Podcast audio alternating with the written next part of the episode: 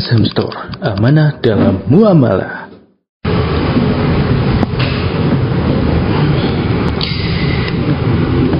Assalamualaikum warahmatullahi wabarakatuh.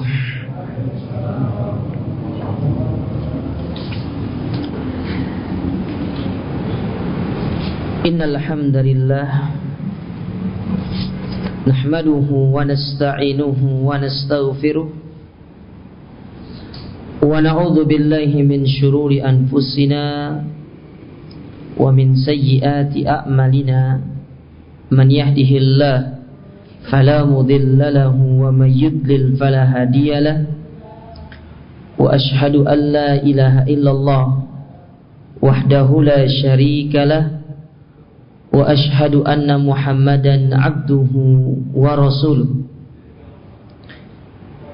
Allahumma salli wa sallim wa barik wa an'im ala abdika wa rasulika nabiyina Muhammadin wa ala alihi wa ashabihi wa man tabi'ahum bi ihsanin ila yaumiddin wa sallama tasliman mazida amma ba'du. Kaum muslimin wal muslimat para ikhwan dan akhwat para jamaah salat maghrib dan isya Masjid Baitul Jannah yang semoga senantiasa dirahmati dan dimuliakan oleh Allah Subhanahu wa taala.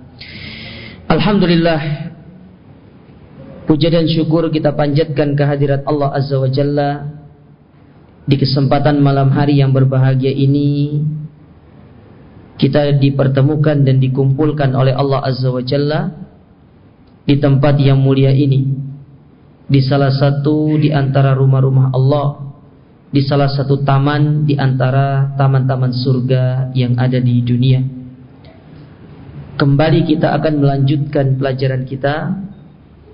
Masih kita membaca kitab Arba'in An-Nawawiyah atau syarah dari Arba'in An-Nawawi yang ditulis oleh Syekh Muhammad Ibn Saleh Al-Utsaimin dan pembahasan kita terakhir sampai pada min fawaid hadal hadis yaitu pelajaran yang bisa diambil dari hadis yang ke-9. Hadis yang ke-9 dari hadis yang dibawakan oleh Imam An-Nawawi. Saya bacakan hadisnya terlebih dahulu. Setelah itu nanti baru kita ambil pelajarannya. Qala al-muallif rahimahullah berkata Imam An-Nawawi semoga Allah merahmati beliau an Abi Hurairah Abdurrahman ibn Sakhar Ad-Dausi dari Abu Hurairah Abdurrahman ibn Sakhar Ad-Dausi. Jadi nama beliau itu adalah Abdurrahman ibn Sakhar Ad-Dausi dari kabilah Daus. Radhiyallahu taala anhu qala beliau berkata sami'tu Rasulullah sallallahu alaihi wasallam yaqul Aku pernah mendengar Rasulullah sallallahu alaihi wasallam bersabda, "Ma nahaitukum anhu fashtanibu wa ma amartukum bihi fa'tu minhu mastata'tum."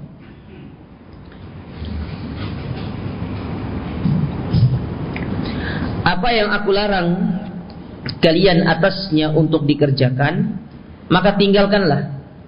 Dan apa yang aku perintahkan kepada kalian, maka kerjakanlah semampu kalian. Fa inna ma ahlakal ladzi min qablikum fa inna ma ahlakal ladzina min qablikum kasratu masailihim wa ikhtilafuhum ala anbiya'ihim. Karena sesungguhnya perkara yang membinasakan umat-umat terdahulu di antara kalian yaitu banyak bertanya dan menyelisihi apa yang diperintahkan oleh nabi-nabi mereka. Hadis ini hadis yang dikeluarkan oleh Imam Al-Bukhari dan Imam Muslim dan hadis ini derajatnya adalah muttafaqun alaih. Taib, apa yang pelajaran yang bisa kita ambil dari hadis ini jamaah sekalian? Yang pertama, wujubul kaffi amma naha anhu Nabi sallallahu alaihi wasallam wajib bagi kita untuk menahan diri dari apa-apa yang Nabi larang untuk kita kerjakan. Dan perkara yang paling dilarang oleh Nabi SAW kepada umatnya adalah perkara syirik. Yaitu mempersekutukan Allah dengan selainnya. Ini perkara yang paling dilarang. Yang nomor satu. Makanya Nabi SAW ketika menyebutkan sebuah hadis, Ijtanibu sab'al mubiqat. Jauhkanlah dari kalian tujuh dosa yang membinasakan. Yang pertama apa yang Nabi SAW sebutkan? Al-isyraku billah. Yaitu seorang berbuat syirik kepada Allah. Jadi dilarang seorang itu berbuat syirik Selain kesengsaraan di dunia bagi pelaku syirik, lebih-lebih kesengsaraan di akhirat. Di akhirat lebih parah kesengsaraannya. Orang yang tidak bertobat dari perbuatan syirik, dia meninggal masih membawa dosa syirik yang belum dia bertobat, maka orang ini dipastikan tidak akan pernah masuk surga dan tempat kembalinya adalah api neraka. Namun perlu diingat, memfonis orang itu pasti masuk surga atau neraka tanpa dalil yang kot yang jelas itu tidak diperbolehkan. Kecuali kalau sudah jelas dalilnya orang ini masuk surga, orang ini masuk neraka, boleh kita katakan demikian. Contoh misalkan Abu Bakar di surga karena dalilnya jelas. Umar di surga, dalilnya jelas. Abu Lahab, Abu Jahal di dalam api neraka karena dalilnya jel, jelas. Tapi memponis orang, kamu pasti masuk neraka, itu tidak boleh. Karena perkara meletakkan di dalam surga atau neraka itu, itu merupakan hak dari progresifnya Allah Subhanahu wa Ta'ala. Jadi kita tidak bisa. Namun memfonis secara dohir perbuatannya, perbuatanmu itu bisa menjerumuskan engkau ke dalam api neraka, itu boleh. Perbuatannya. Tapi secara individu itu yang tidak diperbolehkan. Bisa dipahami sampai sini jamaah ya?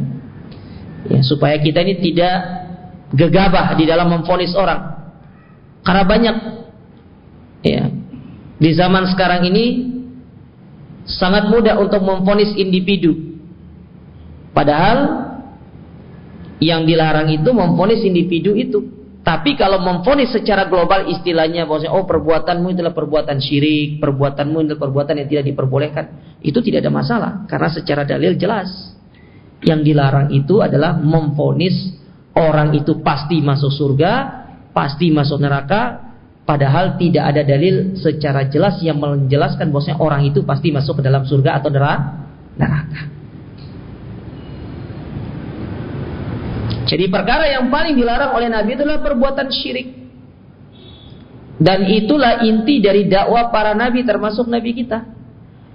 13 tahun nabi di Mekah hanya mendakwakan tauhid, mendakwakan yang namanya itu kembali kepada Allah dan meninggalkan perbuatan syirik. Murni itu tok yang didakwahkan. Hijrah ke Madinah, dakwah itu tetap berjalan, tapi ditambah dengan materi-materi yang lain seperti sholat, puasa, zakat. Dari sini kita tahu jamaah sekalian, satu pelajaran disebutkan oleh para ulama, bahwasanya memperbaiki akidah, memperbaiki tauhid itu tidak bisa hanya sehari dua hari, butuh waktu lama. Karena ada orang yang sudah lama ngajinya dan dia merasa aman dirinya pasti akan selamat dari perbuatan syirik, tahu-taunya meninggal dalam kondisi berbuat syirik. Nah, kan gitu kan? Nah, ini yang perlu diwaspadai seperti ini. Kita ini tidak lebih beriman dari Nabi Ibrahim alaihissalam. Tapi Nabi Ibrahim di dalam sebuah doanya apa kata Nabi Ibrahim kepada Allah? Ya. Kata Allah kata Nabi Ibrahim alaihissalam kepada Allah berdoa ya Rabbi ja'alni min muqimis shalah wajnubni wa dzurriyyati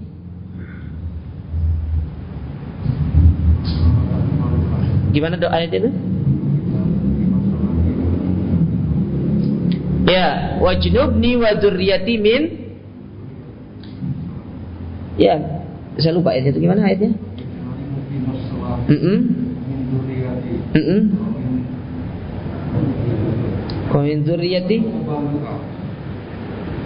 Ada di antara doanya itu bahwasanya Nabi Ibrahim meminta supaya Allah Subhanahu wa taala menjauhkan beliau dan keturunan beliau dari beribadah kepada asnam, kepada patung-patung. Jadi maksudnya Nabi Ibrahim saja beliau itu berdoa kepada Allah supaya Allah menjauhkan beliau dari perbuatan syirik padahal beliau seorang nabi itulah maksudnya. Nah, kita pun demikian. Kita itu harus berdoa kepada Allah supaya kita ini dijauhkan dari yang namanya perbuatan syirik. Karena ini berbahaya, jangan. Dosa ini dosa yang sangat berbahaya. Nah, itu perkara yang paling dilarang oleh Nabi untuk kita melakukannya. Pelajaran yang kedua yang bisa diambil dari hadis ini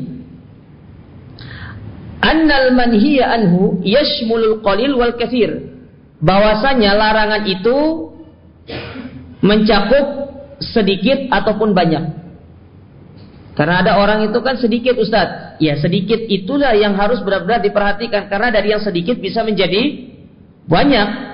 Dari yang kecil bisa menjadi besar. Seorang akan terbiasa melakukan perbuatan kemaksiatan yang besar. Karena dia meremehkan dosa-dosa kecil.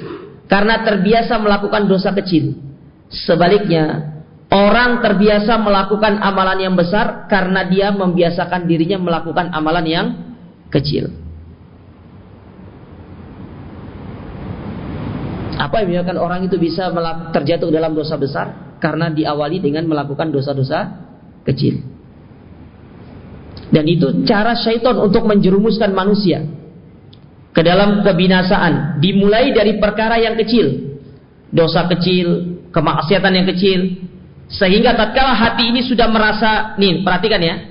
Ketika hati ini dia merasa biasa-biasa saja dengan dosa kecil itu, ya dia tidak merasa gimana gitu ya. Kalau dia melakukan dosa kecil, dia tidak merasa ada sesuatu yang aneh dalam dirinya. Hati-hati. Berarti kita sedang berjalan dan dituntun oleh syaitan untuk terjatuh ke dalam dosa yang lebih besar. Halus. Syaitan itu bermainnya halus.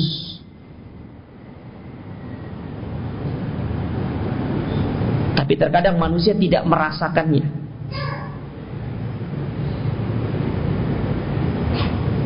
Makanya disebutkan oleh salah seorang ulama kita, ya, mereka pernah mengatakan la tandur ila sigoril ma'asi, walakin undur ila man asaita. Janganlah engkau melihat kecilnya dosa yang kita lakukan itu. Akan tetapi yang perlu kita perhatikan ketika kita melakukan dosa itu siapa yang kita maksiati. Tentu yang kita maksiati adalah Allah Subhanahu wa taala. Jadi jangan hanya melihat ini kan dosa kecil. Iya, meskipun dia dosa kecil, tapi yang kita maksiati ketika kita melakukan maksiat itu adalah Allah Subhanahu wa taala.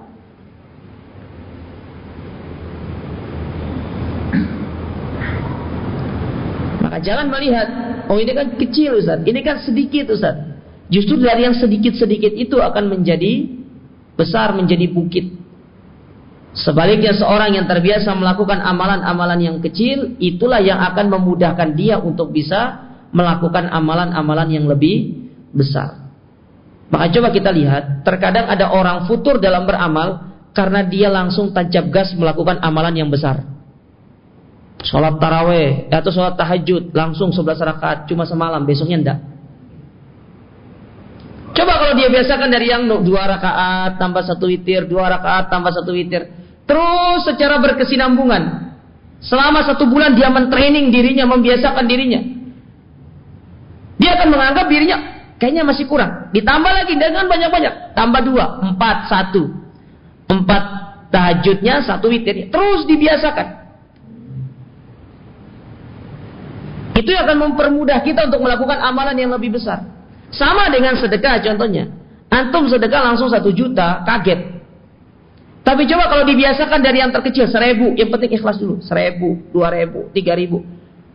Untuk mengeluarkan yang lebih besar nanti itu sangat mudah. Dan tentu itu pasti akan ditolong oleh Allah subhanahu wa ta'ala.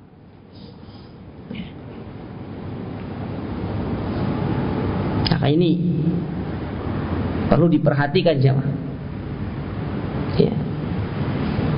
Karena sebab kita ini sering terjatuh ke dalam futur, kita itu suka langsung tancap gas melakukan amalan yang lebih besar. Padahal kita belum terbiasa melakukan amalan tersebut. Lihat para sahabat Nabi Shallallahu Alaihi Wasallam.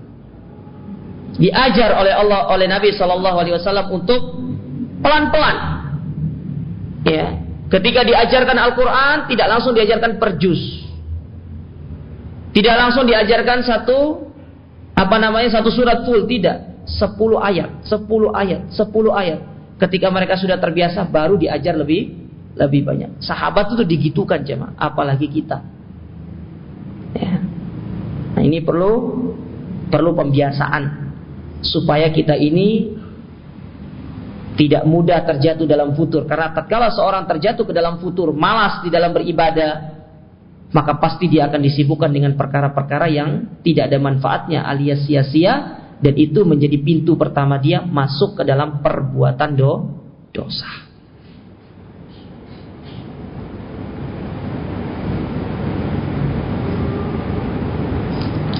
Kemudian yang ketiga, pelajaran yang bisa diambil dari hadis ini, annal kaffa ahwanu minal fi'l bahwasanya menahan diri itu lebih mudah daripada melakukan perbuatan itu. Sebagaimana yang pernah kita jelaskan, menahan diri itu usahanya lebih sedikit daripada melakukan. Kalau kita melakukan sesuatu, itu ada usaha yang lebih, lebih besar. Saya kasih gambaran contoh ya. Orang tidak sholat sama orang sholat, itu gampangan mana? Orang sholat. Zaman tidak sholat. Yang lebih gampang yang mana? Nggak sholat. Antum dengar azan pas sholat subuh tinggal lanjut tidur sudah. Nggak usah bangun. Tapi coba kalau sholat. Harus ke kamar mandi dulu, harus bersih-bersih dulu segala macam. Setelah itu berangkat ke masjid, apalagi yang rumahnya jauh dari masjid. Ada usaha, ada effort. Makanya kenapa di dalam hadis tadi Nabi mengatakan apa? Fattaqullaha mastata'tum. Lakukanlah perbuatan itu semampu kalian karena memang melakukan satu perbuatan, melakukan amal ibadah itu butuh usaha yang lebih daripada sekedar meninggalkannya. Meninggalkan ya tinggal ditinggalkan aja gampang. Dengar adzan ya dosa dosa sholat. Ya. Dengar ada undangan majelis ilmu, tinggal nggak usah datang, gampang. Tapi kalau mau datang kan butuh usaha kan? Ya naik sepeda motor dulu. Kalau antum jauh kan belum kena macetnya, belum ininya, apalagi kalau hujan belum kena hujannya, banyak. Banyak effortnya, banyak usahanya. Tapi semua itu akan terasa ringan bagi orang-orang yang hatinya ikhlas kepada Allah Subhanahu wa taala. Karena sebenarnya yang memberatkan diri kita untuk melakukan satu amal ibadah itu Bukan karena kita tidak mampunya, tapi kurangnya keikhlasan di dalam diri. Karena kurangnya ikhlas, itulah yang menyebabkan kita itu menjadi malas di dalam melakukan amal perbuatan. Lianna Nabi sallallahu alaihi wasallam amara fil manhiyati an tushtanaba kullaha atau kulluha li'anna al-kaffa sahlun karena Nabi SAW ketika memerintahkan kita untuk meninggalkan satu larangan, itu mudah, tidak susah kok. Mudah meninggalkan larangan itu. Cukup tidak usah dikerjakan larangan tersebut, itu sudah sudah sangat mudah. Berbeda dengan kita melakukan perintah. Kalau kita melakukan perintah, ada sebuah halangan-halangan yang akan ada dalam diri kita baik itu dari luar maupun dari dalam. Kalau dari dalam yaitu berupa hawa nafsu kita yang melarang kita untuk menghalangi kita melakukan kebaikan tersebut. Karena memang hawa nafsu jiwa itu tidak cocok dengan kebaikan. Jiwa itu cocoknya dengan keburukan. Beda dengan yang namanya fitrah manusia. Fitrah manusia itulah yang cocok dengan kebaikan. Jadi ketika kita melakukan kebaikan, pada hakikatnya yang mendorong kita itu fitrah kita. Tapi tatkala kita melakukan keburukan, berarti kita telah kalah untuk menguasai jiwa kita. Jadi jiwa kita yang lebih menguasai kita. Karena Allah Subhanahu wa taala menyebutkan, "Inna nafsal ammaratun bisu." Jiwa manusia itu lebih condong kepada keburu keburukan. Makanya coba lihat para ulama ketika mereka menyebutkan salah satu sebab seorang terjatuh ke dalam ke, ke kemaksiatan, mereka menyebutkan apa? Ittibaul hawa, mengikuti hawa nafsu, mengikuti jiwa, bukan mengikuti fitrah. Mengikuti jiwanya. Karena jiwanya selalu dibisikkan, selalu membisikkan kepada dia untuk melakukan perbuatan-perbuatan yang tidak baik. Ya. Makanya kita kenal dengan istilah adanya hawa naf, hawa nafsu. Itu dari jiwa. Ya, hawa nafsu itu kalau dalam bahasa Arab ya jiwa itu.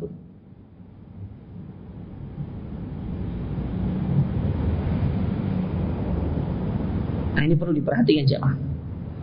Ya. Makanya orang-orang yang fitrahnya itu bersih, orang-orang yang fitrahnya itu lurus, dia mudah untuk melakukan amal-amal kebaikan. Tapi kalau orang-orang yang senantiasa dikuasai oleh hawa nafsunya, itulah yang menyebabkan dia itu mudah terjatuh ke dalam kebinasaan. Mudah terjatuh ke dalam kemaksiatan. Maka kekang jiwa kita, kekang hawa nafsu kita ini supaya tidak bergerilya di dalam diri kita yang itu akan menyebabkan kita itu terjatuh ke dalam keburukan.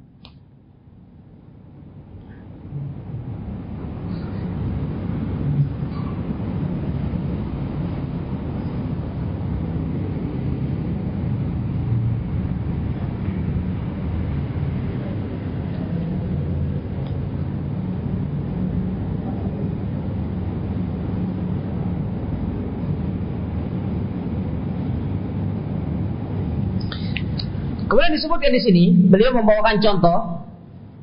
Hal yajuzu fi'lul muharram inda darura amla? Apakah boleh seseorang itu melakukan perbuatan yang diharamkan dalam keadaan darurat atau tidak? Kita sepakat, perkara yang diharamkan itu tidak boleh dilakukan. Tapi sekarang permasalahannya, apakah perkara yang diharamkan itu boleh dilakukan kalau dalam kondisi darurat? Ataukah memang tidak bisa dilakukan? Maka kata Syekh, annahu yajuzu. Boleh seseorang itu melakukan perkara yang diharamkan dalam kondisi darurat. Perlu digarisbawahi, darurat. Ya. Biqaulillahi ta'ala sebagaimana Allah Subhanahu wa taala berfirman, "Wa qad fassala ma harrama 'alaikum illa ma ilaihi." Padahal Allah telah menjelaskan kepada kalian apa yang diharamkan oleh Allah taala kepada kalian kecuali jikalau kalian melakukannya dalam kondisi terpaksa. Mana contohnya? Memakan daging babi. Sepakat. Islam mengharamkan yang namanya daging babi. Tapi dia boleh dimakan itu dalam kondisi darurat. Contoh, antum di tengah hutan, kelaparan, cuma ketemu sama babi. Ya udah, dimakan, tapi secukupnya, tapi jangan dibawa pulang juga. Ya, dibawa pulang jadi oleh-oleh untuk keluarganya. Ini ada daging katanya. Setelah dimasak, dimakan itu daging apa? Daging babi. Waduh. Eh. Kayak cerita kita pernah diceritakan sama apa namanya yang di sini nih markas TNI itu yang di jalan Waru Bundaran Waru tuh apa itu? Koramil ya? Korem ya, Korem ya? Korem. Pimpinannya dan apa? Dan rem ya? Pernah beliau itu melakukan kuliah umum gitu. Jadi dicerita pengalaman beliau di NTT dulu, pas waktu dinas di NTT itu ditigaskan. Diperintahkan anak buahnya untuk cari cari hewan buruan. Akhirnya anak buahnya ini karena sudah capek nyari itu tidak ketemu. Akhirnya yang diketemu yang ketemu itu cuma celeng katanya. Dibawa pulang. Ya. Dibawa pulang sama anak buahnya. Dimasak, dimakan sama komandannya. Kok enak dagingnya ini? Ditanya sama komandan, ini daging apa? Siap, rusak komandan. Jazakallah khair. Yang benar kamu, siap rusak komandan. Yang kedua, ditanya, yang benar kamu, siap celeng komandan. Aduh, katanya. ya sudahlah, sudah masuk katanya. ya.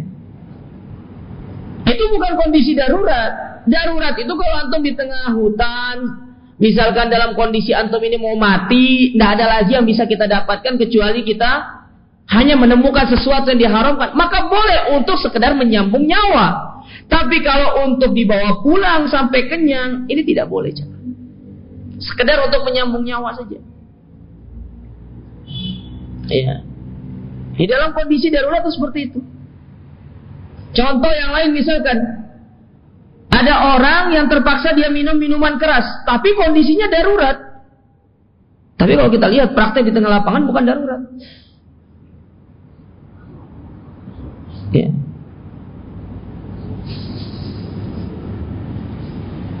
Misalkan dia harus mau nggak mau minum khamar itu, minum minuman alkohol itu karena satu kebutuhan mungkin karena kesehatan. Ya saya tidak tahu mungkin atau yang ahli kesehatan itu. Mau tidak mau dia harus mengkonsumsi itu. Kalau tidak, itu berdampak buruk bagi dia misalkan. Maka dalam kondisi ini seorang diperbolehkan tetapi bukan untuk menjadi perkara yang terus-menerus untuk dia lakukan. Jadi selama terapi itu boleh. Selama untuk masa penyembuhan itu boleh. Tapi setelah dia sembuh ya tidak boleh lagi. Ya tidak boleh lagi dia lakukan. Iya.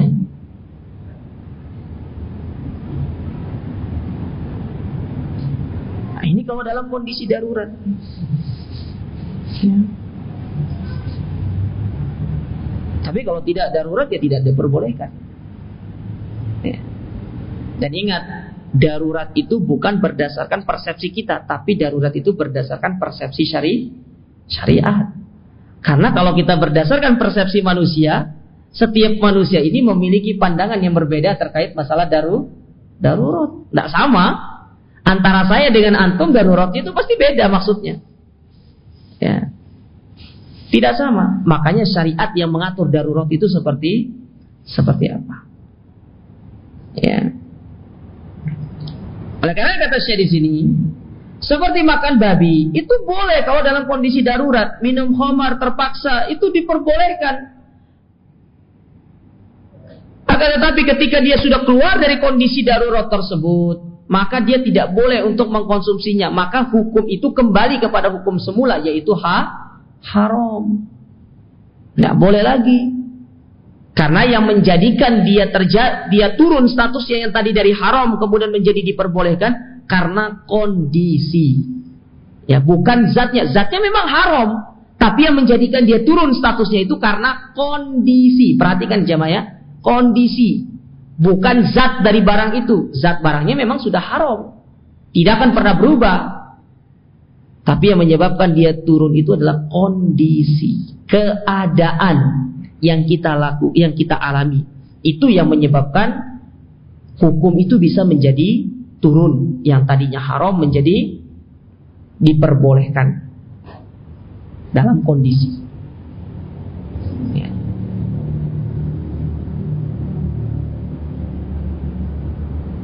Biasanya sering eh, orang-orang uh, kesehatan itu seperti orang-orang anestesi itu sering bertanya kepada kita masalah seperti itu.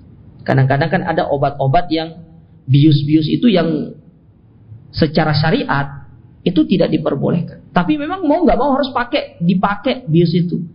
Karena kebutuhan-kebutuhan yang mendesak, maka kita katakan diperbolehkan.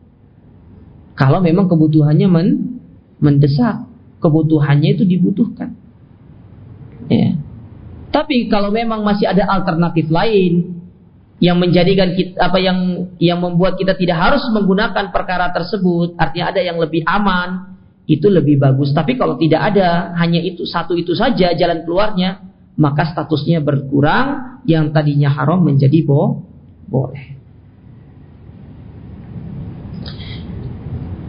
Nah, itu jawaban dari dari Syekh Muhammad bin Shalih Utsaimin kalau ada yang bertanya kepada kita, bisa tidak perkara yang haram itu bisa menjadi diperbolehkan. Kita katakan boleh kalau dalam kondisi daru darurat. Kemudian pelajaran yang keempat yang bisa diambil dari hadis ini, anna la yajibu min fi'lil ma'mur illa makana mustata'an. Bahwasanya tidak wajib melakukan satu perbuatan yang diperintahkan kecuali sebatas kesanggupan. Kenapa kita disuruh untuk melakukan satu perbuatan, satu per, perintah itu sesuai dengan sebatas kemampuan kita, ditakutkan akan terjatuh ke dalam perbuatan gulu. Apa gulu itu? berlebih-lebihan. Karena ini penyakit, gulu ini penyakit jamaah. Berlebih-lebihan ini penyakit yang berbahaya, penyakit laten yang sampai saat ini masih ada di tengah-tengah umat. Gulu, berlebih-lebihan.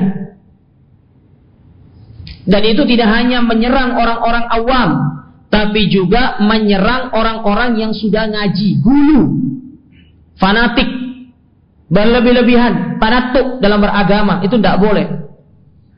Nabi Alaihissalam jauh-jauh hari mengingatkan kepada kita, iya kumwal gulu, fa inna ma'ahlaka man kana qablakum al gulu fid din. Hati-hati dengan perkara berlebih-lebihan dalam beragama, karena sejatinya yang membinasakan umat-umat terdahulu adalah karena mereka berlebih-lebihan di dalam mereka beragama. Gulu. Gulu, gulu terhadap ustadznya, gulu, gulu terhadap ya gulu dalam beribadah.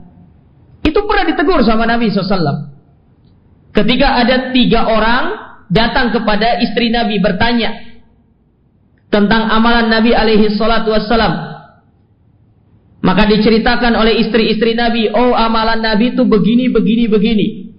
Maka ketiga orang ini ketika mendengar jawaban dari istri Nabi, mereka berkesimpulan yang satu mengatakan, adapun aku, aku akan senantiasa berpuasa, tidak akan pernah berbuka. Jadi tidak ada hari yang dia lalui di dalam kehidupannya, pasti dia berpuasa. Tidak ada tidak waktu untuk berpuasa. Bukan puasa Daud lagi, tapi puasa sepanjang sepanjang hari, sepanjang tak, sepanjang waktu dia berpuasa. Yang kedua katanya, saya tidak akan menikahi wanita, saya akan senantiasa jomblo, fokus untuk beribadah kepada Allah. Karena dia beranggapan kalau menikah itu akan menyibukkan dia dengan urusan rumah tangga dan menjadikan dia tidak fokus di dalam beribadah. Yang ketiga, orangnya mengatakan apa? Saya akan senantiasa sholat malam dan tidak akan pernah tidur.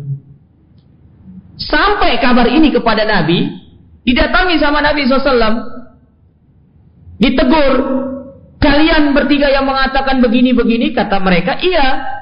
Maka Nabi mengatakan kepada mereka, Wallahi, ini atqakum billah, aku adalah orang yang paling bertakwa kepada Allah dari kalian. Aku menikah, ya, aku tidur, aku sholat, aku puasa, aku berbuka. Lalu apa kata Nabi kepada mereka? Barang siapa yang tidak mau mengikuti contohku, maka hati-hati mereka bukan termasuk dari golonganku. Ini contoh bulu dalam beragama. Melampaui batas. Syariat sudah menetapkan begini, ya sudah tinggal dikerjakan aja, tidak perlu cari yang lainnya. Ya. Tidak perlu kita mencari-cari yang lain.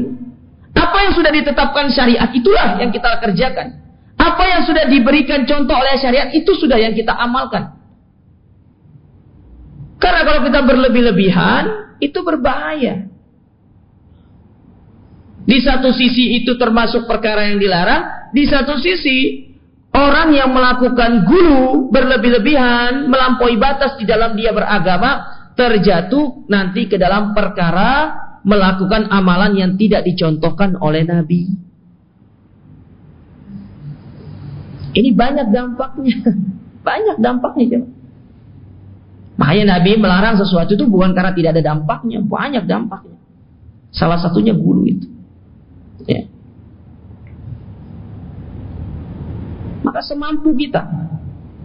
Lihat, agama Allah itu mudah aja, Inna Allah Allah yuridu bikumul yusra wa la yuridu bikumul usra. Allah itu menginginkan kemudahan kepada kita, tidak menginginkan kesukaran. Mana contohnya Allah memudahkan kita? memberikan kemudahan kepada kita. Allah menjadikan dalam beberapa masalah agama itu ada yang namanya rukhsah, keringanan. Contoh dalam masalah sholat, ketika antum safar diberikan keringanan. Apa keringanannya? Boleh mengkosor dan menjamak sholat. Sholat sunnah tidak perlu dikerjakan. Karena tetap akan diberikan pahala selama antum masih melakukan sah, safar. Mudah Islam itu. Ya.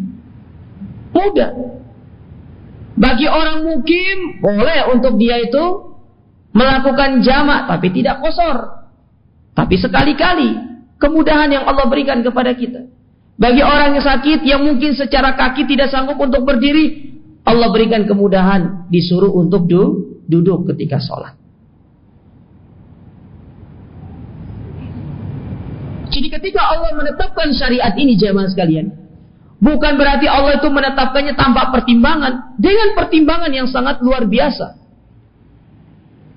Contoh pertimbangan Allah kenapa mau mengurangi yang tadinya jumlah sholat itu sebanyak 50 kali dikurangi jadi 5 itu karena hikmah yang besar yang Allah berikan kepada umat ini. Kemudahan yang Allah inginkan kepada umat ini. Andaikan 50 kali kita sholat sehari semalam. Pasti nggak ada orang sholat. Yang lima kali saja masih banyak orang nggak sholat. Lima kali loh. Masih banyak orang nggak sholat. Apalagi 50 kali. Yang sekali setahun saja puasa Ramadan itu banyak yang nggak puasa. Bagaimana kalau kita melihat pendapat para ulama yang berdoa Ya Allah andaikan Ramadan ini setiap hari katanya. Oh tambah mana nggak ono yang puasa. Nanti alasannya apa? Hormatilah yang tidak berpuasa. Kok aneh kok hormati yang nggak berpuasa. Sebelas bulan kita hormati yang tidak berpuasa. Masa lantaran satu bulan kita disuruh menghormati orang yang tidak berpuasa? Harusnya kita yang dihormati yang berpuasa dong. Eh. Mudah. Islam itu mudah. Allah menghendaki kemudahan kepada kita. Cuma yang menjadikan agama itu menjadi sulit ya individu kita. kita itu. Ya. Kita. Saya kasih contoh sederhana. Perkara yang membuat kita itu sulit. Nikah. Akhirnya banyak orang nggak jadi nikah, gagal nikah gara-gara terlalu dipersulit. Oh, kalau anak pertama sama anak pertama nggak boleh nikah katanya.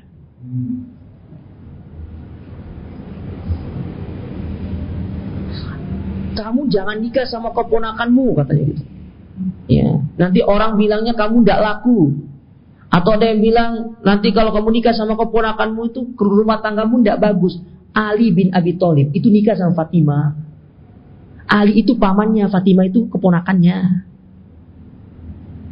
Rumah tangganya bagus tuh.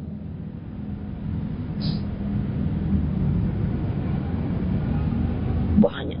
Nikah harus cari tanggal yang tepat. Cari hari. Lihat ini. Aduh, ruwet. Islam itu simpel. Kalau ada yang lamar ke rumah antum, bila perlu hari saat itu juga nikah kan tidak apa-apa. Urusan berkas besok. Eh besok aja berkas. Yang penting sah dulu. Eh. Islam itu mudah jamaah. Tidak sulit. Gampang Islam itu. Tidak ada agama yang lebih mudah, yang lebih gampang daripada agama kita. Tidak ada. Antum cari agama-agama yang lain. Orang mau bertobat kepada Allah atas dosanya. Tinggal dia berdoa, tinggal dia menyesali dan meninggalkan segala dosanya kemudian dia kembali kepada Allah. Selesai. Coba lihat orang Nasrani mau tobat, bayar dulu. Betul nggak? Berapa nih bayar? Tergantung jumlah dok. Akhirnya singkaya pendetanya. Ya. Saya pernah diceritakan sama seseorang, mantan orang Nasrani. Dia dulu mantan drivernya pendeta. Kata dia, pendeta itu para pembesar-pembesar dalam agama Nasrani itu itu dimanjakan sama Vatikan. Misalkan nih ada seorang pendeta kalau bahasa kita mungkin ustadz ya. Ustadznya gitu ya. Hari ini hari Ahad, hari Minggu lah bahasa mereka ya. Ada jadwal misi di gereja ini. Dijemput sama gerejanya misalkan. Naik Alfa. Sementara pendetanya belum punya. Dijemput misalkan kalau bilang pendetanya begini misalkan, kok mobilnya enak ya? Ini mobilnya apa? Oh Alphard. Itu seminggu kemudian mobil itu ada di rumah pendeta itu. Ada di rumah pendeta itu. Dikasih. Dikasih. Belum dia dapat keuntungan dari orang-orang yang menebus dosanya. Bayar. Agama kita kita punya salah, kita melakukan kemaksiatan. Gampang. Tinggal kembali kepada Allah, angkat tangan, berdoa, minta supaya Allah mengampuni dosa-dosa kita. Setelah itu kita memperbaiki segala urusan kita, memperbaiki segala amal ibadah kita. Selesai, nggak perlu pakai bayar. Ada nggak ceritanya antum mau tobat suruh bayar ke ustadz dulu? Kalau ada, ustadznya yang bermasalah itu. Nggak ada. Mudah Islam itu. Islam itu mudah. Orang mau masuk Islam cukup baca syahadat. Tapi kalau antum mau masuk agama lain, oh ritualnya banyak. Pemenang masuk agama Hindu.